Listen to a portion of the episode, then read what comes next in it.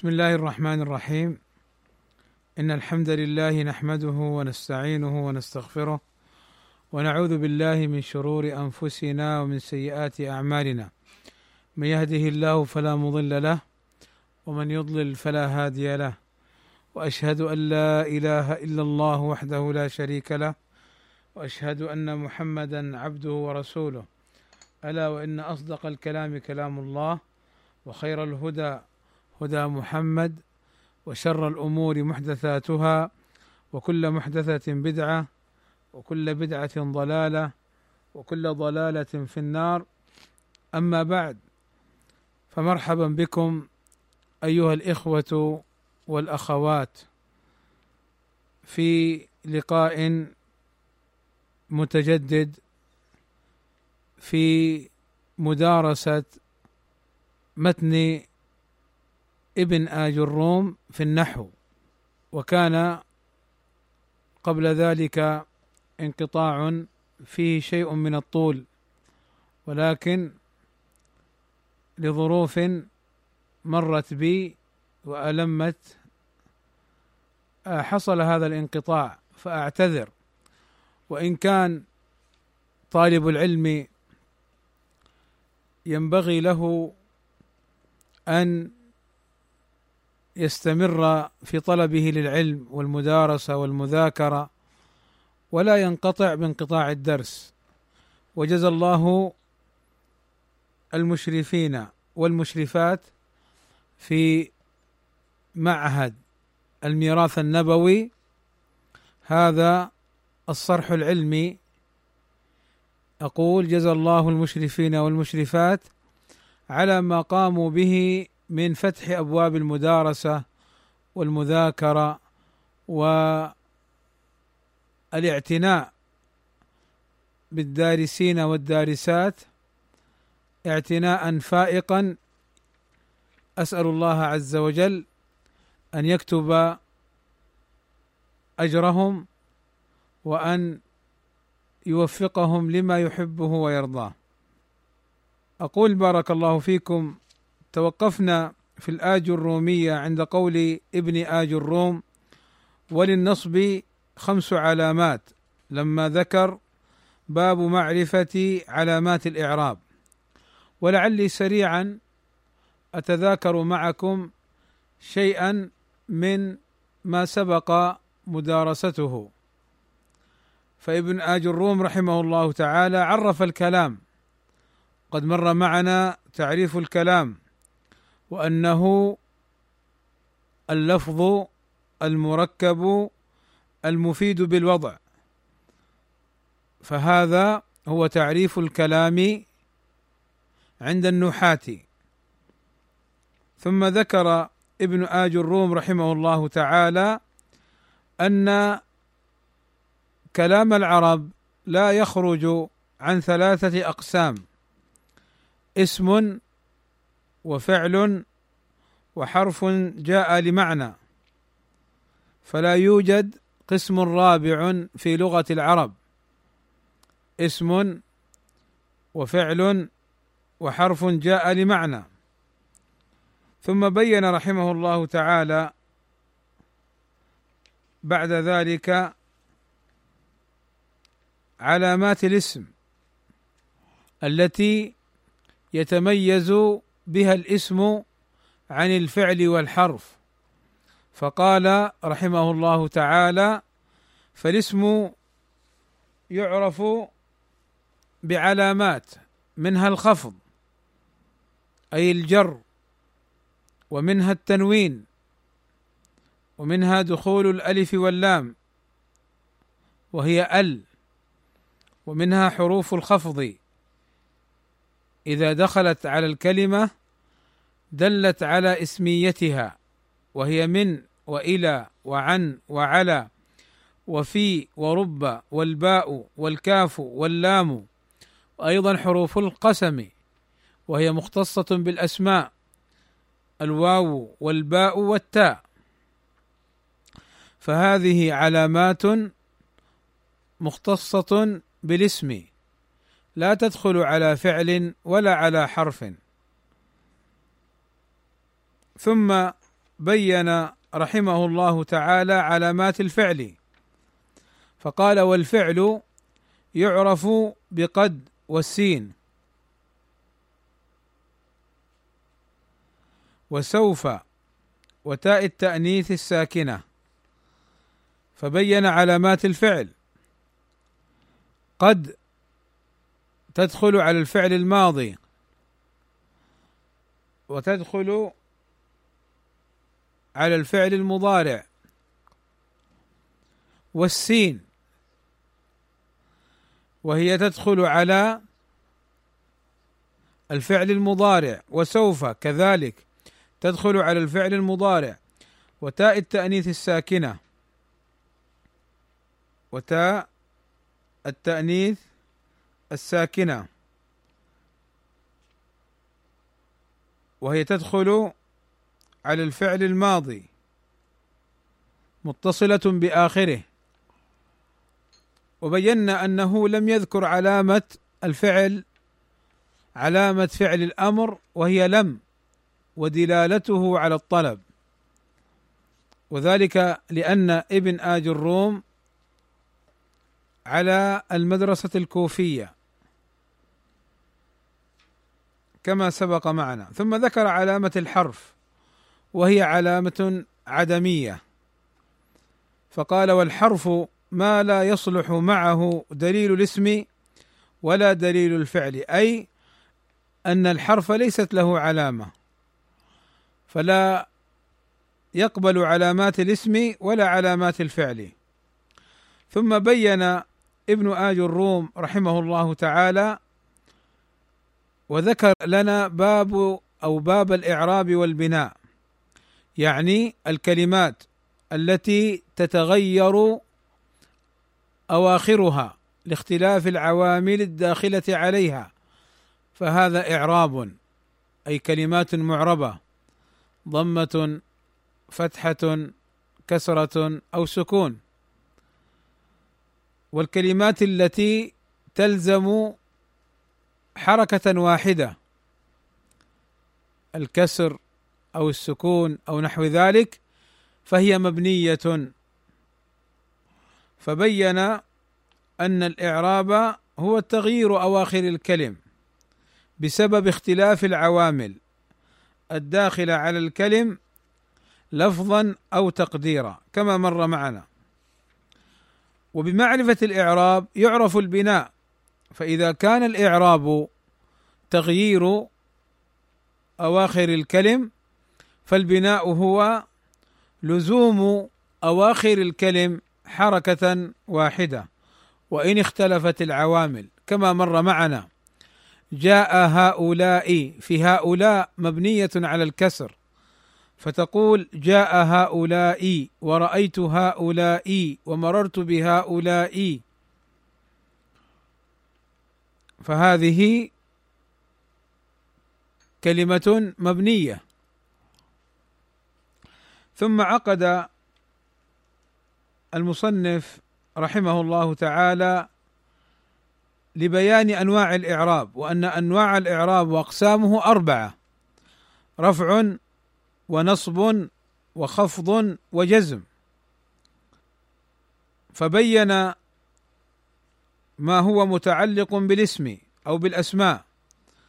فقال الأسماء يدخلها الرفع والنصب والخفض ولا جزم فيها يعني لا يدخل على الاسم السكون اعرابا. أما من باب البناء فعلى حسب كما مر معنا. مثل كم؟ ومن ونحوهما. فالآن نحن نتكلم عن الإعراب. ولذلك قال الأسماء يدخلها الرفع والنصب والخفض. قال ولا جزم فيها أي لا يدخلها الجزم. لأن الجزم علامة مختصة بالفعل. ثم قال وللأفعال من ذلك يعني من أقسام الإعراب الأربعة الرفع والنصب والجزم ولا خفض فيها أي أن الخفض مختص بالأسماء. وبهذا نعرف أن أقسام الإعراب منها ما هو مشترك بين الفعل والاسم وهو الرفع والنصب ومنها ما هو مختص بالاسم وهو الخفض ومنها ما هو مختص بالفعل وهو الجزم. فهذه مقدمات مهمة في علم الإعراب والنحو. لا بد أن يضبطها طالب النحو لأن النحو هو عبارة عن مجموعة من القواعد التي يتوصل بها النحوي لمعرفة أحكام أواخر الكلم. ولذلك النحو في حقيقة أمره سهل جدا بشرط أن يضبط الطالب وأن تضبط الطالبة هذه القواعد لأنها أعني القواعد من طريقها يستطيع أن يحكم هذا الفن. ثم ذكر المصنف رحمه الله تعالى ما يتعلق بمعرفة علامات الإعراب ومواضع هذه العلامات من كلام العرب لأنه قد مر معنا أن أقسام الإعراب أربعة رفع فما علاماته نصب فما علاماته جزم فما علاماته. خفض فما علاماته. ثم لكل علامة من هذه الأقسام مواضع في اللغة العربية. ولذلك أنا أنصح نفسي وإخواني طلاب العلم الذين يرغبون أن يفهموا النحو أن يستعملوا ما يعرف بالرسم الشجري والتقسيم السهمي بمعنى أنك تأتي وتقول في الصفحة تكتب أقسام الإعراب ثم تخرج أربع أسهم السهم الأول الرفع السهم الثاني النصب السهم الثالث الخفض السهم الرابع الجزم. ثم تضع تحت الرفع علامات الرفع. الضمة والواو والألف والنون. وهكذا تتسلسل بالرسم الشجري البياني أو عن طريق الأسهم هذه فيحصل لك تصور ذهني عقلي لهذه الأقسام. ويسهل لك حفظها. بإذن الله تعالى. وهذا في كل فن ليس فقط في النحو سواء في الحديث وعلوم الحديث سواء في الفقه أو أصول الفقه. كل ما كانت المسألة لها تقسيمات فحاول أن ترسمها رسما شجريا مستعملا الأسهم ونحوها حتى تتضح لك صورة المسألة وتستطيع حفظها بإذن الله تعالى. مر معنا أن الرفع له أربع علامات. الضمة وهي الأصل العلامة الأصلية والواو والألف والنون. فهذه علامات الرفع وهي كما سبق أربعة أو أربع علامات. ثم مر معنا من كلام ابن آج الروم رحمه الله تعالى ما يتعلق بمواضع الضمة من كلام العرب. فبين أن الضمة تدخل على الاسم المفرد وعلى جمع التكسير وعلى جمع المؤنث السالم وعلى الفعل المضارع الذي لم يتصل بآخره شيء ولم يسبق بناصب ولا جازم. فتقول قام محمد والرجال والطالبات ويقوم محمد وهكذا. فاذا هذه الضمة هي العلامة الأصلية للرفع ومواضع الضمة في لغة العرب في الاسم المفرد واحد. وفي جمع التكسير اثنان وفي جمع المؤنث السالم ثلاثة وفي الفعل المضارع الذي لم يتصل بآخره شيء أربعة. إذا أربع مواضع في لغة العرب للضمة. ثم بين الواو وأن الواو علامة للرفع تنوب عن الضمة في موضعين من لغة العرب. في جمع المذكر السالم قام المسلمون. وفي الأسماء الخمسة وهي أبوك وأخوك وحموك وذو مال وفوك. هذه هي الأسماء الخمسة. ترفع بالواو. فتقول جاء أبوك وأخوك رجل كريم ونحو ذلك. ثم بين العلامة الثالثة وهي الألف وأن موضعها في كلام العرب في تثنية الأسماء خاصة. تقول جاء رجلان فرجلان فاعل مرفوع علامة رفعه الألف لأنه مثنى. وقوله في تثنية الأسماء خاصة مر معنا ما يتعلق أنه أخرج الأفعال. فيفعلان وتفعلان لا يقال في إعرابهما مرفوع بالألف بل مرفوع بثبوت النون كما سيأتي. ثم بين النون وأن النون موضع للرفع في الأفعال الخمسة. والأفعال الخمسة مر معنا في تعريفها أنها كل فعل مضارع اتصلت به ألف الاثنين أو واو الجماعة كل فعل مضارع اتصلت به ألف الاثنين أو واو الجماعة أو ياء المؤنثة المخاطبة. نعيد مرة أخرى من باب الحفظ والمراجعة. الأفعال الخمسة كل فعل مضارع اتصلت به ألف الاثنين يفعلان تفعلان. أو واو الجماعة يفعلون تفعلون. أو ياء المؤنث المخاطبة تفعلين. وسميت خمسة لأن عددها خمسة. وجردت عن الفعل المضارع لأن لها أحكاما مختصة بها. وإلى هنا انتهينا ما يتعلق بالدروس السابقة من باب المراجعة والمذاكرة لطول الفصل.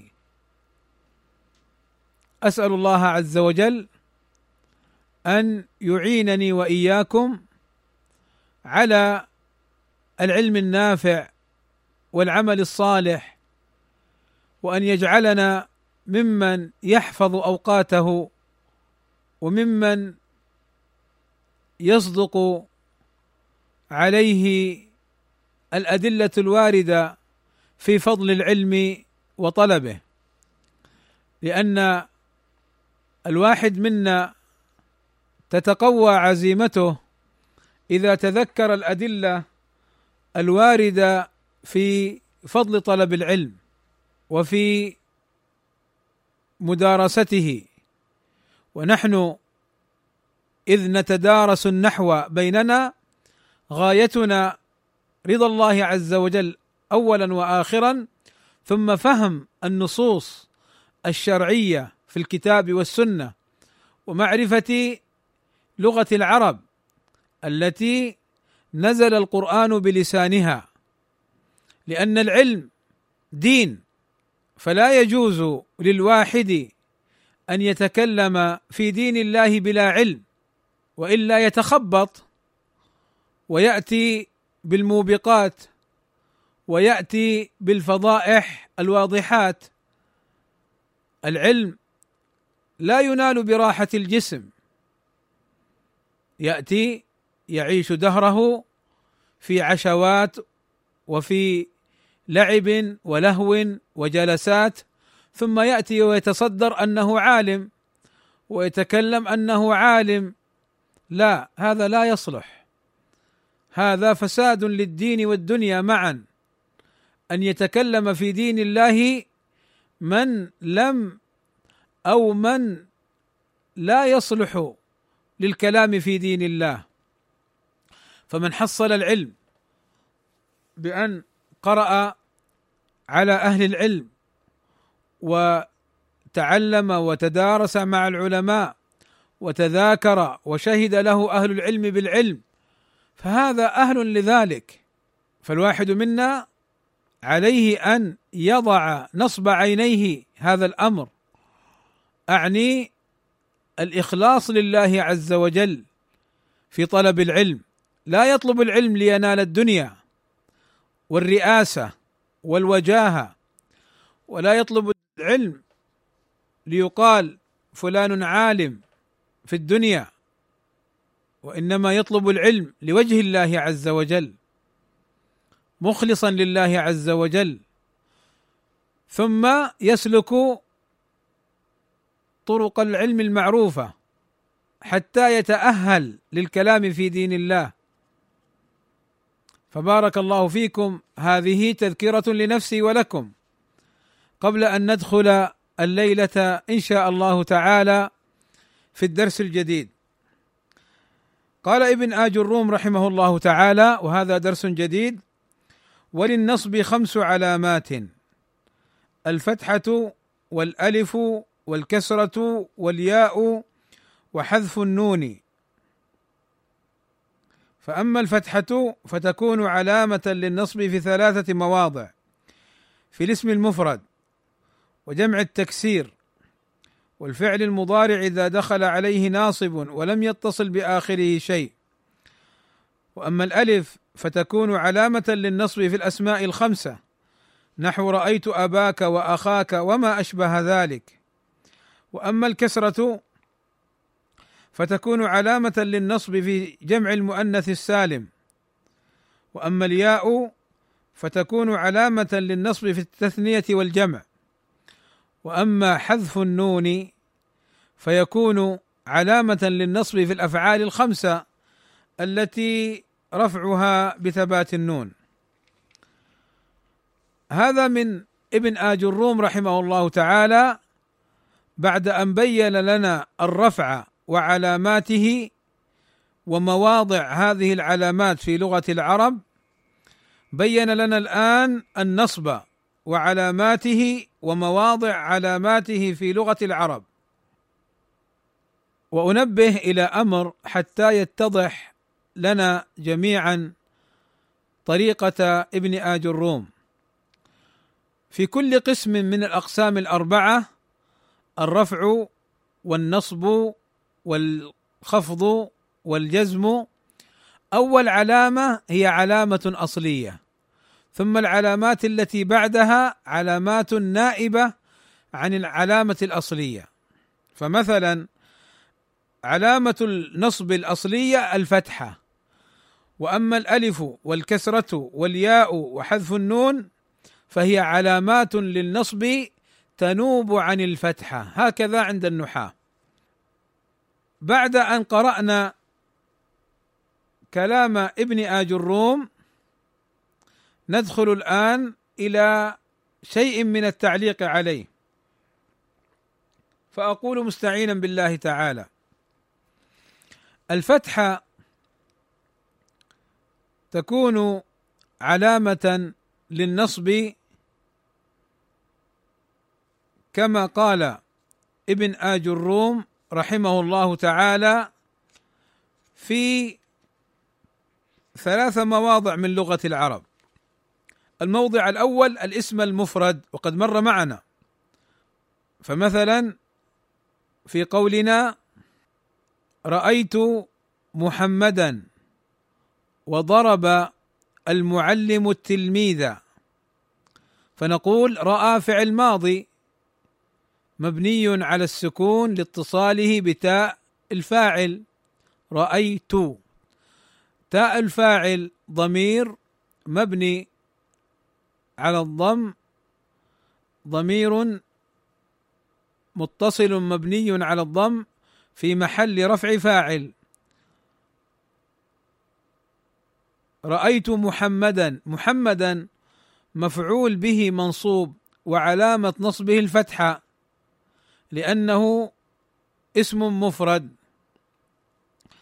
وقوله الاسم المفرد سواء كان سواء كان مصروفا أو ممنوعا من الصرف. فمصروفا مثل محمدا رأيت محمدا. وممنوع من الصرف مثل عمر فتقول رأيت عمر. وجمع التكسير. الموضع الثاني من لغة العرب للنصب جمع التكسير. وقبل جمع التكسير مر معنا ضرب المعلم التلميذ. ضرب فعل ماضي مبني على الفتح المعلم فاعل مرفوع علامة رفعه الضمة والتلميذ مفعول به منصوب وعلامة نصبه الفتحة. جمع التكسير. وقد مر أيضا معنا تعريف جمع التكسير. وهو ما دل على أكثر من اثنين مع تغير صورته. مثل أسد وأسد وأسود ورجل ورجال. فهذه كلمات هي من باب جمع التكسير. فإذا وقع الاسم وكان جمع تكسير وقع مثلا اسم إن أو مفعولا به أو نحو ذلك فإنه يكون منصوبا. تقول مثلا إن الطلاب مجتهدون. فنقول إن حرف نصب وتوكيد. والطلاب اسم إن منصوب وعلامة نصبه الفتحة لأنه جمع تكسير. ومجتهدون خبر إن مرفوع وعلامة رفعه الواو. لماذا؟ لأنه جمع مذكر سالم كما مر معنا. قال والفعل المضارع أن يكون موضعا للنصب لكن بشرط إذا دخل عليه ناصب وأيضا بشرط أن لا يتصل بآخره نون التوكيد أو نون النسوة فمثال الفعل المضارع الذي وقع منصوبا قولنا لن يكتب الطالب الدرس فلن حرف نصب ونفي واستقبال. أما حرف نصب فلأنه ينصب الفعل. وأما حرف نفي فلأنه ينفي وقوع الفعل. وأما الاستقبال فقالوا معناه أنه يقع بعد كلام المتكلم. لن يكتب اذا لن حرف نصب ونفي واستقبال. يكتب فعل مضارع منصوب بلن وعلامة نصبه الفتحة. لأنه فعل مضارع. والطالب فاعل مرفوع وعلامة رفعه الضمة لأنه اسم مفرد. والدرس مفعول به منصوب وعلامة نصبه الفتحة لأنه اسم مفرد.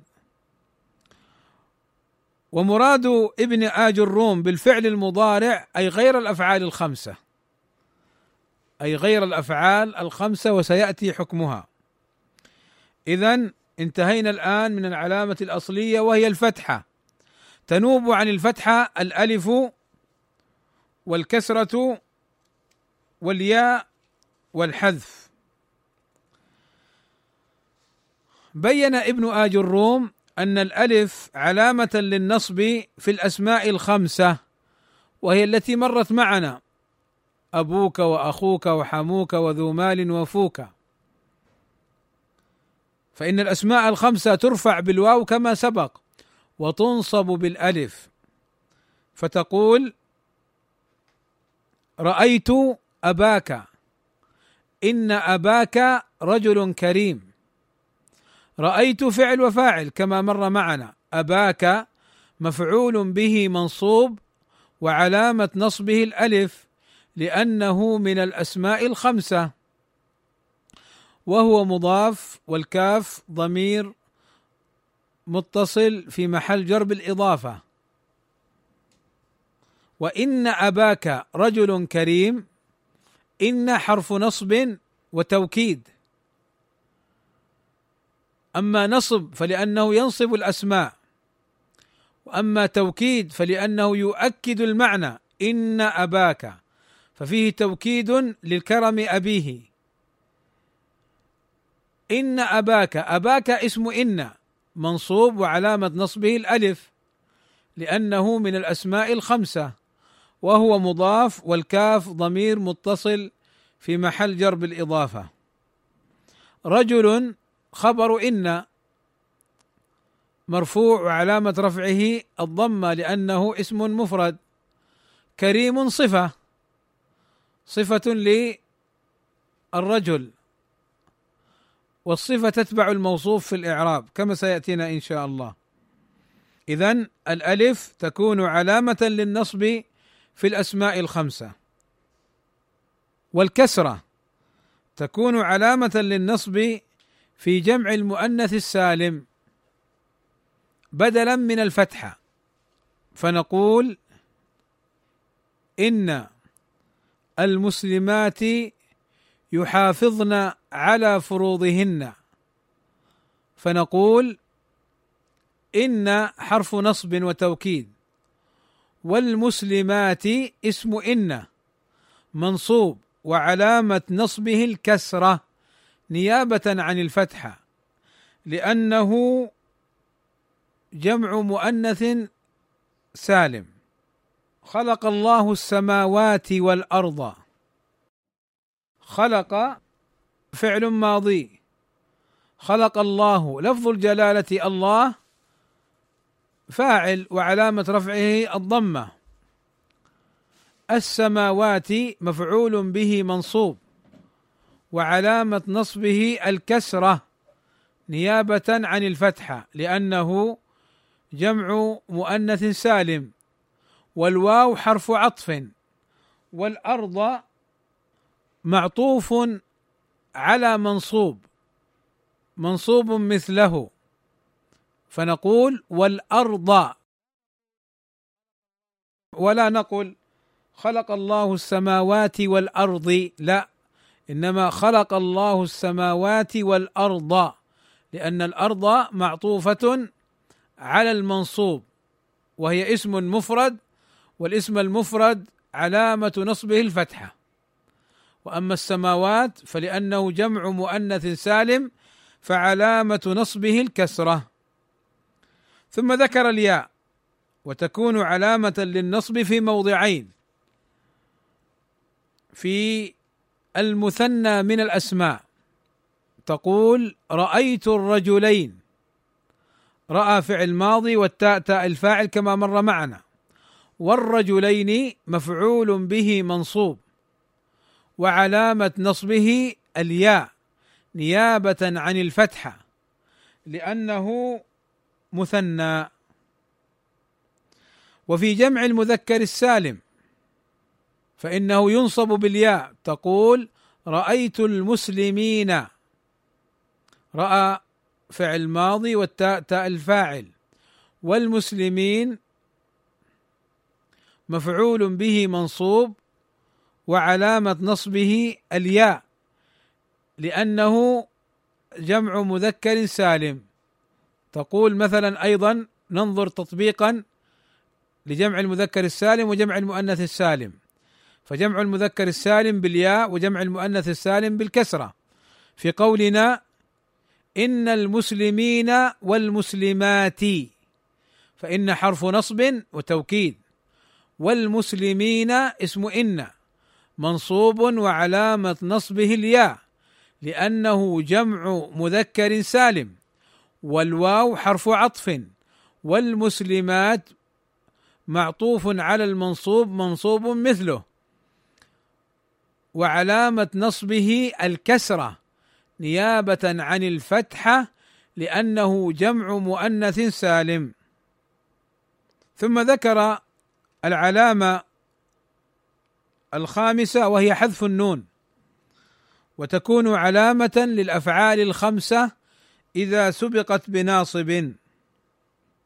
والناصب نحو لن ونحوها كما سيأتينا إن شاء الله في النواصب. اذا لن واذا وإن وكي ونحو ذلك ولام التعليل ستأتي إن شاء الله في مواضعها. فحذف النون من علامات النصب وموضعها في كلام العرب في الأفعال الخمسة. نحو الطالبان لن يكتبا الدرس.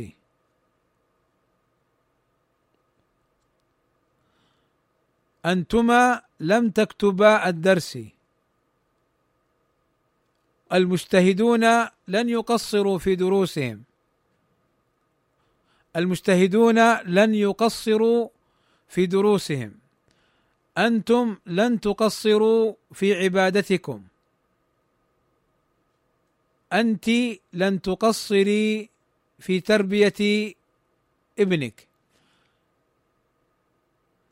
فكلها يقال فيها لن حرف نصب ونفي واستقبال. وما بعدها يقال فيه فعل مضارع منصوب بلن وعلامة نصبه حذف النون لأنه من الأفعال الخمسة. فائده ربما مرت معنا في لقاءات سابقة فإما أن تكون من باب التذكير وإما أن تكون فائدة جديدة وهي أن الأفعال الخمسة التي تتصل بها ألف الاثنين أو واو الجماعة أو ياء المؤنث المخاطبة إعراب هذه ألف الاثنين أو واو الجماعة أو ياء المؤنث المخاطبة كلها يقال فيها ضمير مبني متصل في محل رفع فاعل إذا كان الفعل فعلا مضارعا واتصلت به هذه الضمائر الألف الواو الياء. ويكون الفعل مبني للمعلوم. وبهذا نكون قد أنهينا ما يتعلق بالنصب وعلاماته ومواضعه في لغة العرب. فنقول النصب له خمس علامات اختصارا لما سبق. الفتحة وهي الأصلية والألف والكسرة والياء وحذف النون وهي علامات نائبات عن العلامة الأصلية. والفتحة مواضعها في لغة العرب ثلاث ثلاثة مواضع. الاسم المفرد وجمع التكسير والفعل المضارع الذي سبق بناصب ولم يتصل بآخره نون توكيد ولا نون النسوة. والألف تكون علامة للنصب في الأسماء الخمسة. والكسرة تكون علامة للنصب في جمع المؤنث السالم. والياء تكون علامة للنصب في التثنية وجمع المذكر السالم من الأسماء. في تثنية الأسماء وفي جمع المذكر السالم. وحذف النون تكون في الأفعال الخمسة إذا سبقت بناصب كما مر معنا. ولعلي أكتفي بهذا القدر ليحفظ مع مراجعة ما سبق. من الدروس لتفهم فإن هذا العلم مبني بعضه على بعض كما سبق بيانه في لقاءات سابقة. أسأل الله العظيم رب العرش الكريم أن يفقهنا في ديننا وأن يرزقنا العلم النافع والعمل الصالح وأن يجعلنا من طلاب العلم الذين يسلكون سبيل سلفهم الصالح فيشتغلون بالعلم والسنة والدعوة إلى السنة ويجانبون طرق أهل الأهواء وأهل التشغيب. وأهل الفساد في الأرض الذين يسيئون ولا يحسنون ويسعون لصرف الناس عن العلم النافع والعمل الصالح ويحرصون على صرف الناس من طريق الاستقامة ومن النهج الواضح إلى طريقهم المعوج الذي نسأل الله عز وجل أن يهديهم إلى الصراط المستقيم أو أن يصرف عنا شرهم وكيدهم ومكرهم. فعلى كل مسلم ومسلمة أن يشتغلوا بما ينفعهم من العلم النافع والعمل الصالح لعموم قوله صلى الله عليه وسلم احرص على ما ينفعك. فهذه التشغيبات وهذه القيل والقال وإضاعة الأوقات ليست مما ينفع المرء. فإذا عرف الواحد منا سبيل الحق لزمه وسار عليه ولم يلتفت لبنيات الطريق ولم يلتفت لأهل الفتن والفساد الذين وضح شرهم وانكشف باطلهم وظهر كذبهم وتلاعبهم في الدعوة السلفية. فالله الله في العلم والعمل والبعد عما لا ينفع والاشتغال بالعلم والعمل وبما ينفع. أسأل الله عز وجل أن يوفقنا جميعا لما يحبه ويرضاه وأن يصرفنا عما يغضبه ويسخطه سبحانه وتعالى. وصلى الله وسلم على نبينا محمد وعلى آله وصحبه أجمعين. والحمد لله رب العالمين.